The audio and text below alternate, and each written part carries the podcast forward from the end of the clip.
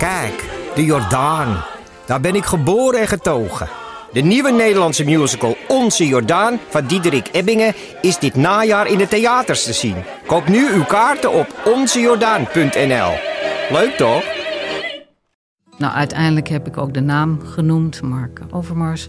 En toen hebben we lang over gesproken. En toen zei ik, heb je dat nou zelf ook wel eens meegemaakt? Ja, ja, ook zelf meegemaakt. Heb jij ook wel eens van die dickpics ontvangen? Ook. Ja, dat vond ik toch wel heel heftig. Ben je benieuwd naar deze verhalen en wil je niets missen? Via podimo.nl slash gonzo luister je 30 dagen gratis naar Gonzo op Podimo. podimo.nl slash gonzo Hallo, vanaf de redactie van de Groene Amsterdammer is dit uw wekelijkse podcast. Ik ben Kees van der Bos. Global warming, that's the world's greatest current concern. An inconvenient truth was a real wake-up call to the world. This was a great achievement for Al Gore. However, he forgot something rather important.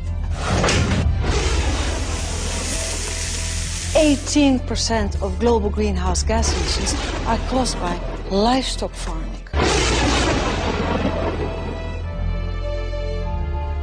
Onze belangrijkste bijdrage aan het klimaatprobleem is minder vlees eten.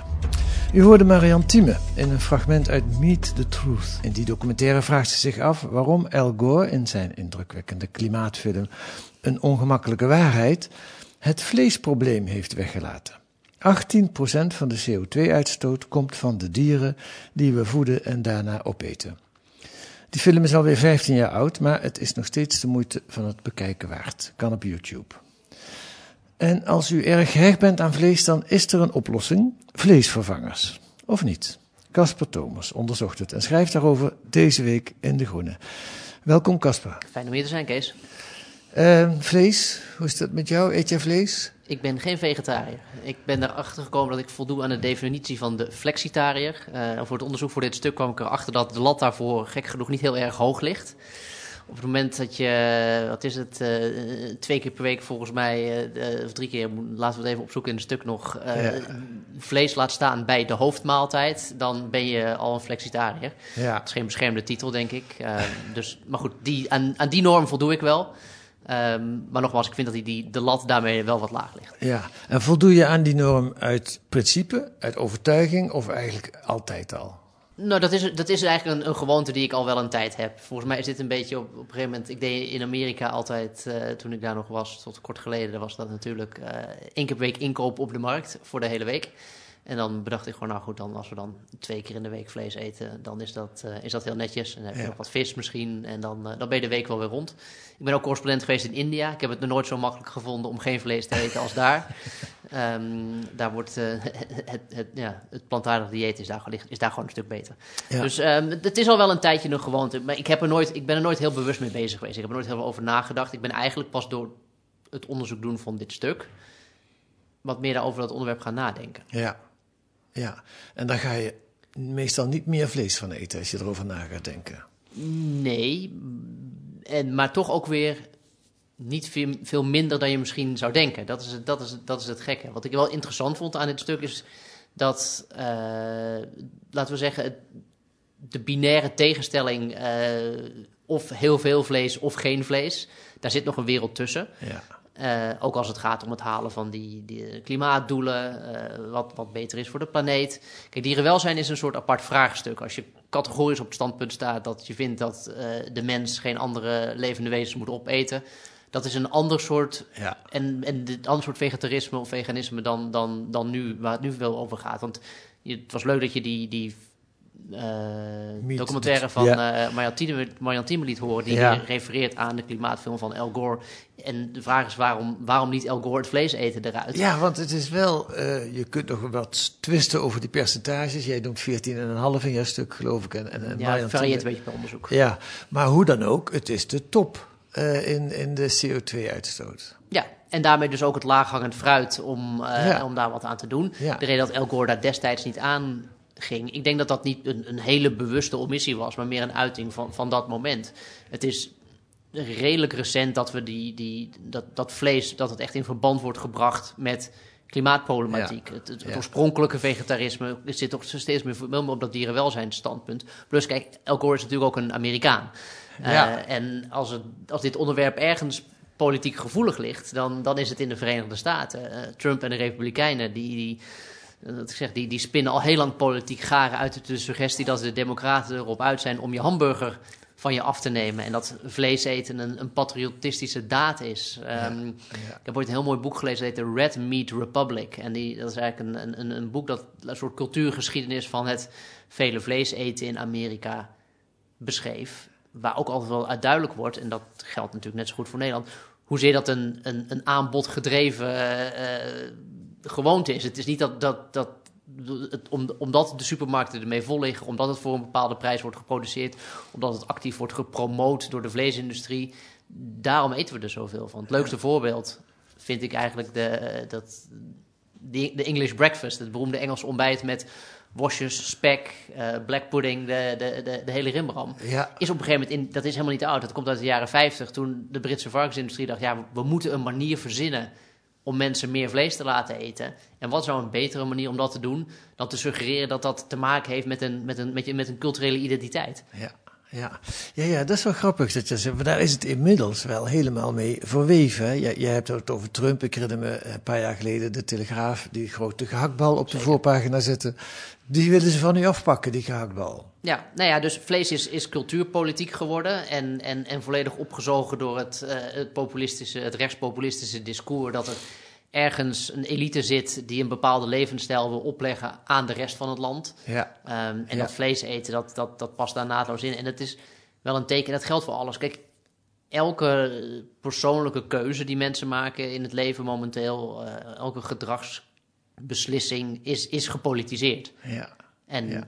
dieet is daar een heel wezenlijk onderdeel van. Ja. Is ook niet zo gek, want het is wel iets heel fundamenteels natuurlijk. Want het, uiteindelijk zijn we, als je kijkt naar hoeveel van, laten we zeggen, wat een mens doet en drijft en mee bezig is, eh, beweegt, vrolijk maakt, verdrietig maakt. Alle, alles is op een of andere manier houdt verband met eten.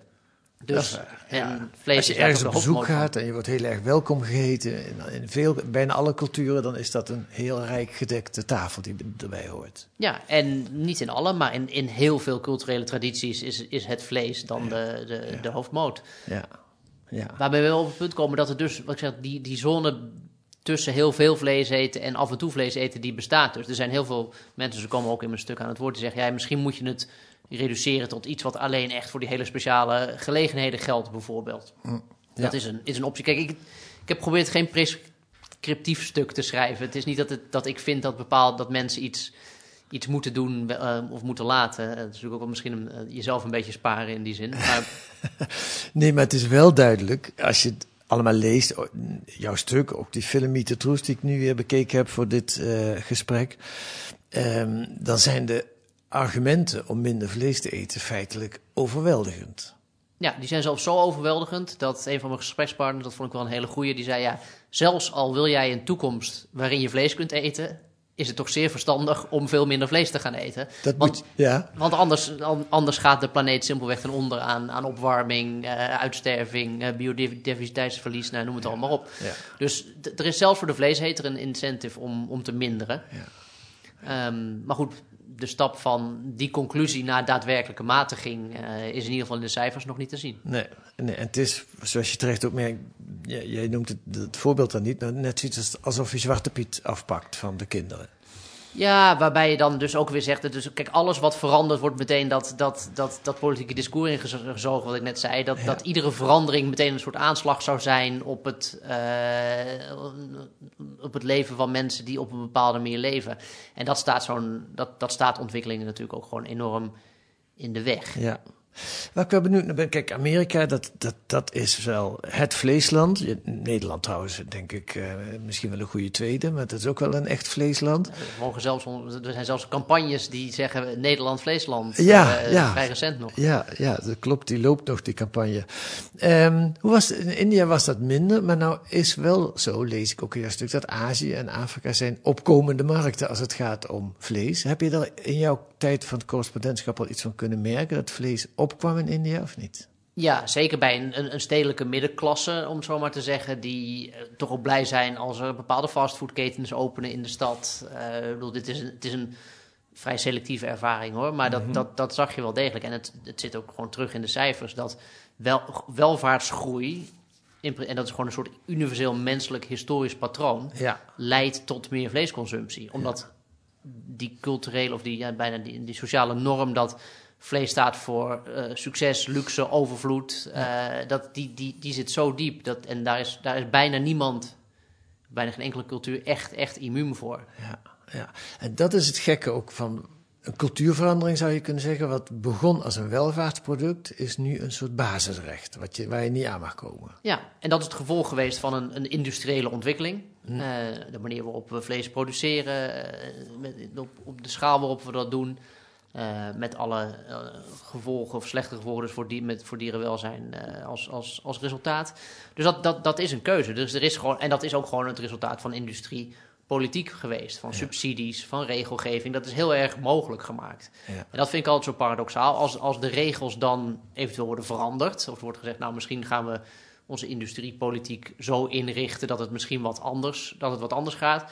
Dan springt een heel groot deel van de vo- bevolking eh, eh, op de bok en voelt zich in de wiek geschoten, omdat voor hun gevoel hetgeen zoals dat altijd al deden verandert. Terwijl dat net Ja. zo goed afhankelijk is geweest van beleid als dat die verandering dat is. Ja, ja. Dan moet ik je eerlijk zeggen, toen ik, wat zal het zijn, 10, 15 jaar geleden voor het eerst op de radio een gesprek hoorde.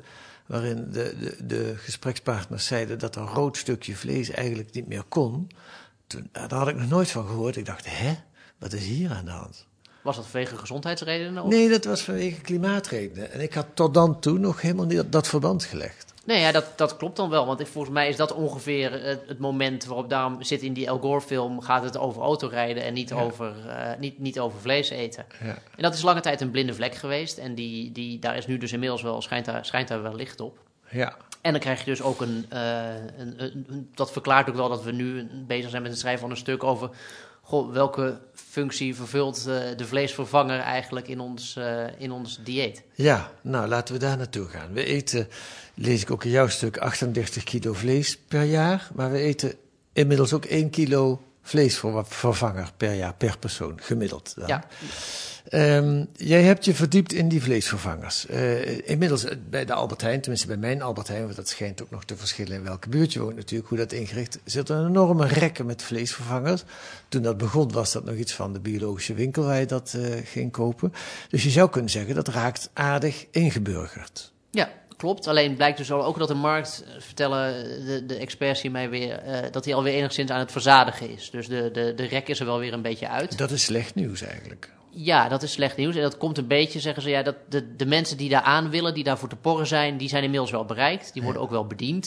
Het kan nog steeds vele malen beter. Maar om echt een grotere groep consumenten daarvoor te, eh, lekker te maken. Het is zo. Elke keer als je nu een, hoe, hoeveel zinsneden mee- en, en dingen zoals je ze heel makkelijk zegt op een of andere manier met eten te maken hebben. Ja. Geeft natuurlijk aan hoe, hoe diep dat weer zit. Maar goed, in ieder geval om die grotere groep consumenten te bereiken, moet, moet die vleesvervanger een soort, die moet wel echt een stap vooruit zetten Ja. dan van waar die nu is. Ja. Op zich gaat daar jouw stuk niet echt over. Want hoe, ja, dat weet jij ook niet. Hoe moeten we die stap vooruit zetten? Nou ja, dat is de, de grote eh, race om de ultieme gelijkenis. En het, ik noem dat ergens in een stuk, het opheffen van het onderscheid tussen, tussen echt en nep, tussen vlees en vervanger. Ja. Want dat is natuurlijk het, het, is een, dat is het, het maffe aan die, die hele industrie. Het is een industrie die probeert een bepaald product eigenlijk eh, te vervangen, van de markt weg te, te, weg te concurreren, in de hoop dat het voor sommigen gewoon ook echt gewoon helemaal niet meer bestaat. Ja. Maar om dat te doen, dus een, een soort kwestie van know your enemy, eh, moet je precies weten wat vlees is, waarom, waarom het lekker smaakt voor mensen, waarom, ja, wat, wat- hoe, hoe het in de mond ligt als je erop koudt, nou, al dat soort dingen. Dus je moet de, de, de, eigenlijk zou je de, de ultieme carnivore moeten inschakelen om, om te kunnen weten wat een goede vleesvervanger is. Ja. Je bent naar bedrijven geweest waar dat gebeurt, waar vleesvervangers gemaakt worden. Ehm, had jij zelf eigenlijk al vleesvervangers? Of als je geen vlees eet, eet je dan gewoon iets heel anders? Ja, dan, dan eet ik inderdaad. Maar goed, in de vraag eet ik iets anders. Maar de vraag is: wat is dan een vleesvervanger? Kijk, op- Ja. stel ik maak rijst met daal, dus een, een, een, eh, een Indiaas uh, gerecht. Dan is dat formeel geen vleesvervanger. het is wel de bron van eiwitten in die maaltijd. Ja. En daar gaat het allemaal. Het gaat allemaal om eiwitten. Dat, Ja. is, dat, is, dat, dat is de kwestie. Waar haal je je eiwitten vandaan? En daarom vind ik die... Maar dat is een vrij persoonlijke opvatting. Vind ik dus die weg van de vleesvervanger. Ik vind het een beetje een fopspeen. Want als ik jou dit, dit stukje eh, plantaardig vlees... Ik mag van de meeste mensen die die dingen maken... vinden het niet leuk als je nepvlees of kunstvlees zegt. Dat, dat, dat, dat vinden ze niet lekker bekken. Dus bij deze... Maar als je, ja, als, als je, zolang je mensen dat maar voorhoudt Ja. dan verleid je ze misschien weg van het daadwerkelijke dierlijke product. En in de praktijk werkt dat misschien zo, maar misschien ook maar ten dele. Zo, anders zou die markt misschien nog wel doorgroeien. Dus er is ook een hele stroming binnen dit veld. Die zegt, ja, we moeten niet zozeer toe naar eh, dat, dat lapje, zoals de mensen niet kijken, gauw vervangen door een, een, een vegetarisch lapje. Ja. Maar we moeten gewoon zorgen dat het idee dat er ergens in het midden van het bord een lap moet liggen die, de, die het, de, de hoofdsubstantie van je maaltijd vormt, dat moet eruit. Ja. Ja. En dat is, ik ben daar niet voor het stuk nog niet zo heel erg ingedoken, maar ik ben wel benieuwd. Kijk, hoe we eten is altijd gevormd, ook door een, door een soort, door een voorhoede, eh, door een, een tv-kok, eh, iemand die, eh, of een, een, een, veren- een huisvrouwenvereniging die een, ik, ik spreek over het verleden, dus dan kan dat nog, een- een kookboek schrijft over wat je op tafel moet zetten voor een gezonde maaltijd. Goed, er is altijd die eeuwige schijf van vijf, noem het toch maar op. Alleen het lastige is, we leven natuurlijk ook in een tijd waarin we veel minder makkelijk eh, voorbeelden en autoriteit aannemen.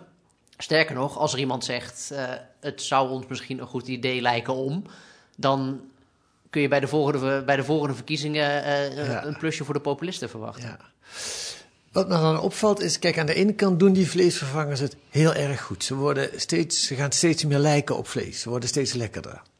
Dat, Ja. hè, dat, volgens mij constateer jij dat ook in jouw stuk.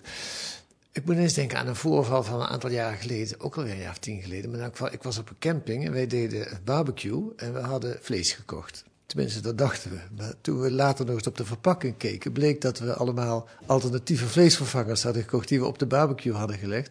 En niemand had het gemerkt. Dus we hadden allemaal gewoon vlees gegeten. Maar wat het grote punt was met terugwerkende kracht, was die barbecue toch minder lekker voor een aantal eh, mensen die erbij zaten. Dan komen we toch weer terug op dat andere punt. Dat culturele, dat, eh, het feit dat je recht hebt op dat stukje vlees, daar doet een vleesvervanger eigenlijk niks aan af. En daar zit misschien wel nu de, het grootste ja, probleem, of waar, daar is het meeste winst te behalen. Nou ja, volgens mij snij je daar precies aan wat. eh, het gaat echt, het- ik, ik heb dit niet ingestudeerd, echt niet. Eh, voor mij snij, ja, snij je precies aan waar het om, waar het om gaat. Dat is. Een vervanger zal altijd de vervanger blijven. Ja. En, ik, en, en zolang dat woord eraan hangt en die connotatie, denk ik dat er ook dus ook een hele duidelijke beperking aan zit. En daarom, dat komt in dit stuk niet zoveel aan de orde, maar dat is echt iets voor, voor vervolgsverhalen, dus die gaan er ook zeker komen. Is kun je op een of andere manier dus aan dat dierlijke eiwit komen zonder dat je daarvoor een dier hoeft op te fokken en, en, en, en te slachten. Nou, Ja. Dat is weer een heel andere, andere tak van wetenschap. Ja. Het grappige is, er zit een hele Amerikaanse eh, smaak aan deze, aan deze discussie, omdat het is een soort, ik noem dat in het stuk ook, het is eigenlijk een soort Silicon Valley mentaliteit die, die, waar die, vleesindustrie, vleesvervangersindustrie door gedreven wordt. Met het idee dat je met, zeg maar, met slimme innovatie de bestaande markt, die term wordt ook echt actief gebruikt, kunt disrupten. eh, zoals ook Silicon Valley dat deed door een, eh, het aanhouden van de taxi te vervangen met een, met een app, om maar wat te noemen. En dat je als op een gegeven moment maar, als je maar innovatief genoeg bent, dan, dan gaat het vanzelf. Ja. En we zien die beweging ook in de daadwerkelijke eh, eh, technologische industrie. Dat op een gegeven moment hebben mensen genoeg van daten via de app. En begint, is het juist weer, vinden mensen het weer extra waardevol als dat zonder digitale intermediair kan gebeuren. Dus dat, die, die tegenreactie. En voor mij krijg je die tegenreactie dus ook bij dat, bij dat vlees eten. Hoe meer er wordt gehamerd op. eh, wij kunnen iets maken waarvan jij het verschil niet kunt proeven. Dus is volgens mij maakt voor een deel van de mensen het, het echte product eh, in die zin alleen maar aantrekkelijk. Ja. Ja. ja. Het is net alsof dat je het roken wil afschaffen en dan de vapor gaat. eh, Ja, en dat, dat gaat vrij aardig met de jeugd, zoals ik begrijp. Eh, dus misschien is het. het zijn ook geen. Het, dit, dit soort dingen. Het is voor mij heel, heel moeilijk. Ik heb wel in een, in een verleden wel eens wat meer verdiept in, in gedragsverandering. Toen ik nog voor de Nederlandse overheid werkte, eh, zat ik op een soort team dat zich bezig moet houden met de vraag: hoe krijg je nou mensen aan ander gedrag? Ja. Eh, Uh, en het is heel moeilijk om, om, om mensen, dat is evident natuurlijk, uit hun bestaande patronen te trekken. Ja, maar aan de andere kant zijn er ook spectaculaire voorbeelden waarin dat wel lukt. Ik bedoel, 15 jaar geleden, zoiets, kon je toch niet voorstellen dat mensen die een hond uitlieten een plastic zakje in hun hand zouden houden. En dan, als die hond ging poepen, dat ze dat dan op gingen pakken en in een in een afvalbak gingen gooien. Dat was te, te zot voor woorden. Ja, nu doet nou, dat is gelukkig veranderd. Nu doet bijna iedereen. Eigenlijk is dat een best, in een best korte tijd... is daar een grote cultuurverandering heeft daar plaatsgevonden. Ja, nee, dat klopt. Maar het is dus het grote mysterie... en die, bedoel, die zijn miljoenen boeken over geschreven... En, en, en dit is een hele industrie waar heel veel mensen... een hele goede belegde boterham mee verdienen... Hoe krijg, je, hoe krijg je gedragsverandering voor elkaar? En volgens mij uiteindelijk, het is, het is, altijd, het is een samenloop van omstandigheden... Um, maar normverandering is iets, is iets heel ingewikkelds. En ja. ik heb het idee dat het zeg maar nog ingewikkelder geworden is vanwege die, die politieke polarisatie die ik net al even schetste. Het idee dat als er iemand ergens iets is die moet veranderen, ja. dat er dus die hele sterke neiging is om hak in het zand te doen. En dat er vervolgens ook onmiddellijk partijen zijn die bereid zijn om daar, om daar politiek munt uit te slaan. We gaan even terug naar hoe de cultuur tot stand is gekomen. Luister. Kip, daar kunnen ze me voor wakker maken. Dat is altijd anders. Bijvoorbeeld uh, kipfilet met ananas en kokos. Of uh, drumsticks. Hm? Met ketchup. En met zo'n lekkere gepaneerde kipsnitzel heb ik ook geen moeite. Echt feestelijk smullen is kipfilet gevuld met salami en mozzarella. Mm. En uh, voor de buis, dan mag ik graag een drumstickje scoren. Kip, het meest veelzijdige stukje vlees. Kip. Ja, dit is een, uh, een, een oldtimer, hè? die kennen we allemaal nog. Nou ja, 2006 is deze campagne gestaakt. Dus uh, het heeft nog vrij lang doorgelopen. Ja. Ja, en wat me op, en dit is natuurlijk dan vanuit de industrie, eh, maar het is wel deels gesubsidieerd door de Europese Unie, ook dit spotje. Dat is het bizarre. Het is, het is de industrie, maar het is dus ook de, de Europese Unie die de kipindustrie heeft willen steunen. En ja, subsidiegeld heeft uitgetrokken om mensen meer aan het kip eten te krijgen. Uh, waarom moet de kipindustrie gesteund worden? Om dezelfde reden dat er nu in Europa of in, in Spanje en Portugal met Europese gelden uh, de varkensvleesindustrie nog steeds wordt gesteund. Dat was toch een manier om, uh, om, om, om plattelandsgemeenschappen, et cetera, van, van economische houvast te voorzien. En het idee was, ja, dat, dat, dat doet Europa. Europa is bij uitstek een uitdeler van geld om vlees en andere dierlijke eiwitten, de productie en consumptie daarvan in stand te houden. Dat, is, dat zit heel diep in onze, in onze Europese politieke cultuur. Ja. ja, en in de Nederlandse politieke cultuur. Want eh, ik lees ook in jouw stuk voorbeelden. Carola Schouten, toen minister van Landbouw, die in 2019, ach, er is ook veel publiciteit over geweest, een oproep om minder vlees te eten, gewoon schrapte uit een duurzaamheidscampagne. Ja, ja de politiek wilde er gewoon nog niet aan, of vanwege het, het en dat ultieme vrees dat als je mensen suggereert dat een verandering van een bepaald levensstijl wel eens voordelen zou kunnen hebben, dat dat, en dan komt het, dat saaie woord alweer, dat zou dan betutteling zijn. Ja. Maar goed, je ziet hier gewoon de, de vrees bij, bij, bij mainstream partijen. Oh, nou, de, de komt dan van de ChristenUnie, maar goed, laten we zeggen, partijen die meer in het centrum zitten, verlies je de, de, proef je de vrees voor de, voor de populisten. Ja. Die dan meteen gaan roepen dat ze in Den Haag uh, inderdaad uw gehaktbal komen afpakken. En die schroom is ook een beetje, ja, dat, die begint op zichzelf bijna een beetje potsierlijk te worden, vind ik. Maar dat is weer een onderwerp op zich. Begin dit jaar was het nog zo dat de toenmalige minister van Landbouw, dat was voor Adema, ik ben even kwijt wie dat was. Staghouwer? Ja, Staghouwer, dankjewel. Die wilde laten onderzoeken of er een hogere belasting op vlees, eh, of dat de consumptie zou remmen. Een beetje de aanpak die ook bij het roken onder andere gebeurt. De pakje sigaretten uh, sterven is duur tegenwoordig. Nou, CDA, VVD stond op de achterste benen. Dat kon echt niet, zo'n voorstel. Ja, en ook weer volgens mij vanuit datzelfde populismevrees Terwijl het ging niet eens om de zin van, het was geen straftax. Het is niet van, oh, u, u, u wilt een biefstuk eten, nou dan uh, moet u maar eens even daar flink extra voor neertellen, want u, u doet eigenlijk iets fouts. Maar het was een voorstel om, en er is een hele beweging gaande die, die zegt, ja, we moeten gewoon zorgen dat daar, net als bij brandstof uh, voor je vliegticket, uh, voor, je, van je vliegtuig, dat je gewoon de reële kostprijs betaalt. En met reële kostprijs bedoelen we dan niet alleen de kosten om het te produceren, maar ook de schade die het doet aan milieu en, en, en planeet. Dat, dat kun je kwantificeren en dat kun je verdisconteren en dat kun je gewoon aan het prijskaartje hangen. Ja. Maar zodra je dat doet, dan zijn er ook altijd weer mensen die zeggen: ah ja, dan krijg je een kloof in de samenleving, dan wordt het alleen voor de rijken. Um, en vanuit dat oogpunt is ook, zijn ook linkse partijen en progressieve partijen een enorme rem op, op gedragsverandering. Ja. Bij, de vlieg, bij de vliegendiscussie zie je hetzelfde. En het idee dat iedereen maar zo, dat iedereen zoveel mogelijk vlees moet eten of zo heel vaak vlees op tafel moet hebben. Dat is gewoon dat is een, dat is een socialistisch plan, een socialistische doelstelling geweest in 20e Biefstuk socialisme. hè? Biefstuk is- socialisme je. Ja, en dat is, ja. en dat is dus, dus het is niet zo dat, dat progressief en, en eh, hier altijd maar vrij uitgaat of zo. Ja. We hebben nog een lange weg te gaan. Ehm, wat wel helpt is als je, als je onder andere in jouw stuk leest wat het allemaal voor schade aanricht om dat vlees te produceren.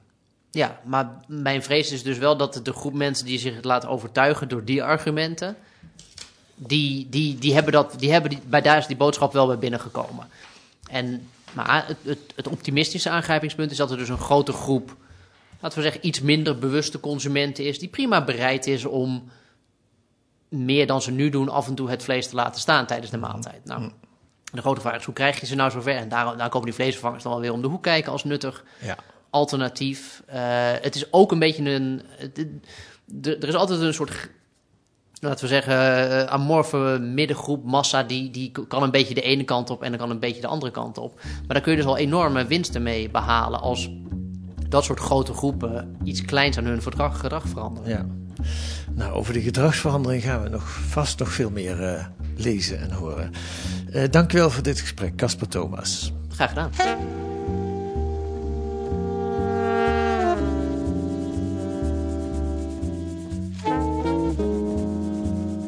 Eerst een positief bericht nog. Aanstaande maandag, 19 december, nemen we drie podcasts op in Pakhuis de Zwijger in Amsterdam. En u kunt daarbij zijn. We spreken over de positieve ontwikkelingen die groene redacteuren het afgelopen jaar hebben gesignaleerd. Evert de Vos vertelt over de revival van de vakbond. Irene van der Linden over het succes van de kleinschalige asielopvang in Os. En Jaap Tielbeke over de natuur als rechtspersoon. Er wordt ook een buitenlandpodcast opgenomen met, hier zit die Casper Thomas en Rutger van der Hoeven en als gast Laila Frank. Gaat het toch weer even over de Verenigde Staten, Casper? Zeker, dat uh, raak ik me niet over uitgepraat hoor. En in de derde podcast praten we met filosoof Marjan Slop over bouwen met hout. Een idee om vrolijk van te worden. Aanstaande maandag, 8 uur, Pakhuis de Zwijger. Het is gratis, maar we vragen wel of u zich wil aanmelden op dezwijger.nl slash agenda. En dit adres staat ook bij de, in de tekst bij deze podcast. Dan, wat staat er nog meer in De Groene? Een onderzoek naar de onzorgvuldige toekenning van zorggeld door het CIZ, het Centrum Indicatiestelling Zorg. Kent u misschien niet, maar deze organisatie gaat over miljarden. Maar die werkt lang niet altijd nauwkeurig, zo blijkt uit het onderzoek. De medewerkers staan onder hoge druk, hebben nauwelijks contact met patiënten en tegelijkertijd worden met rekentrucs de eigen resultaten opgepoetst. Een onderzoek deze week. En een briefwisseling tussen Volkskrant-journalist Sheila Sitalsing en groene redacteur Razit Elibol. Ze hebben allebei een migratieachtergrond, maar wel zijn ze van een verschillende generatie.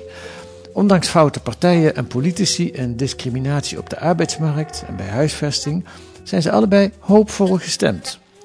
Via de kinderen die hier geboren zijn, zijn de bubbels lek geraakt, schrijft Sitalsing.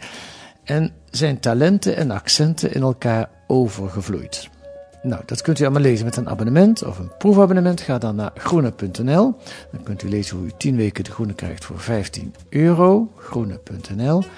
U kunt reageren via de mail op deze podcast. Ons adres is podcast.groene.nl. Volgende week zijn we er weer met analyses en achtergronden bij het nieuws in deze podcast van de Groene Amsterdammer, die deze week werd gemaakt door Ruben Stift en Kees van der Bos. De muziek is de tune van, van Paul van Kemenade. Tot volgende week.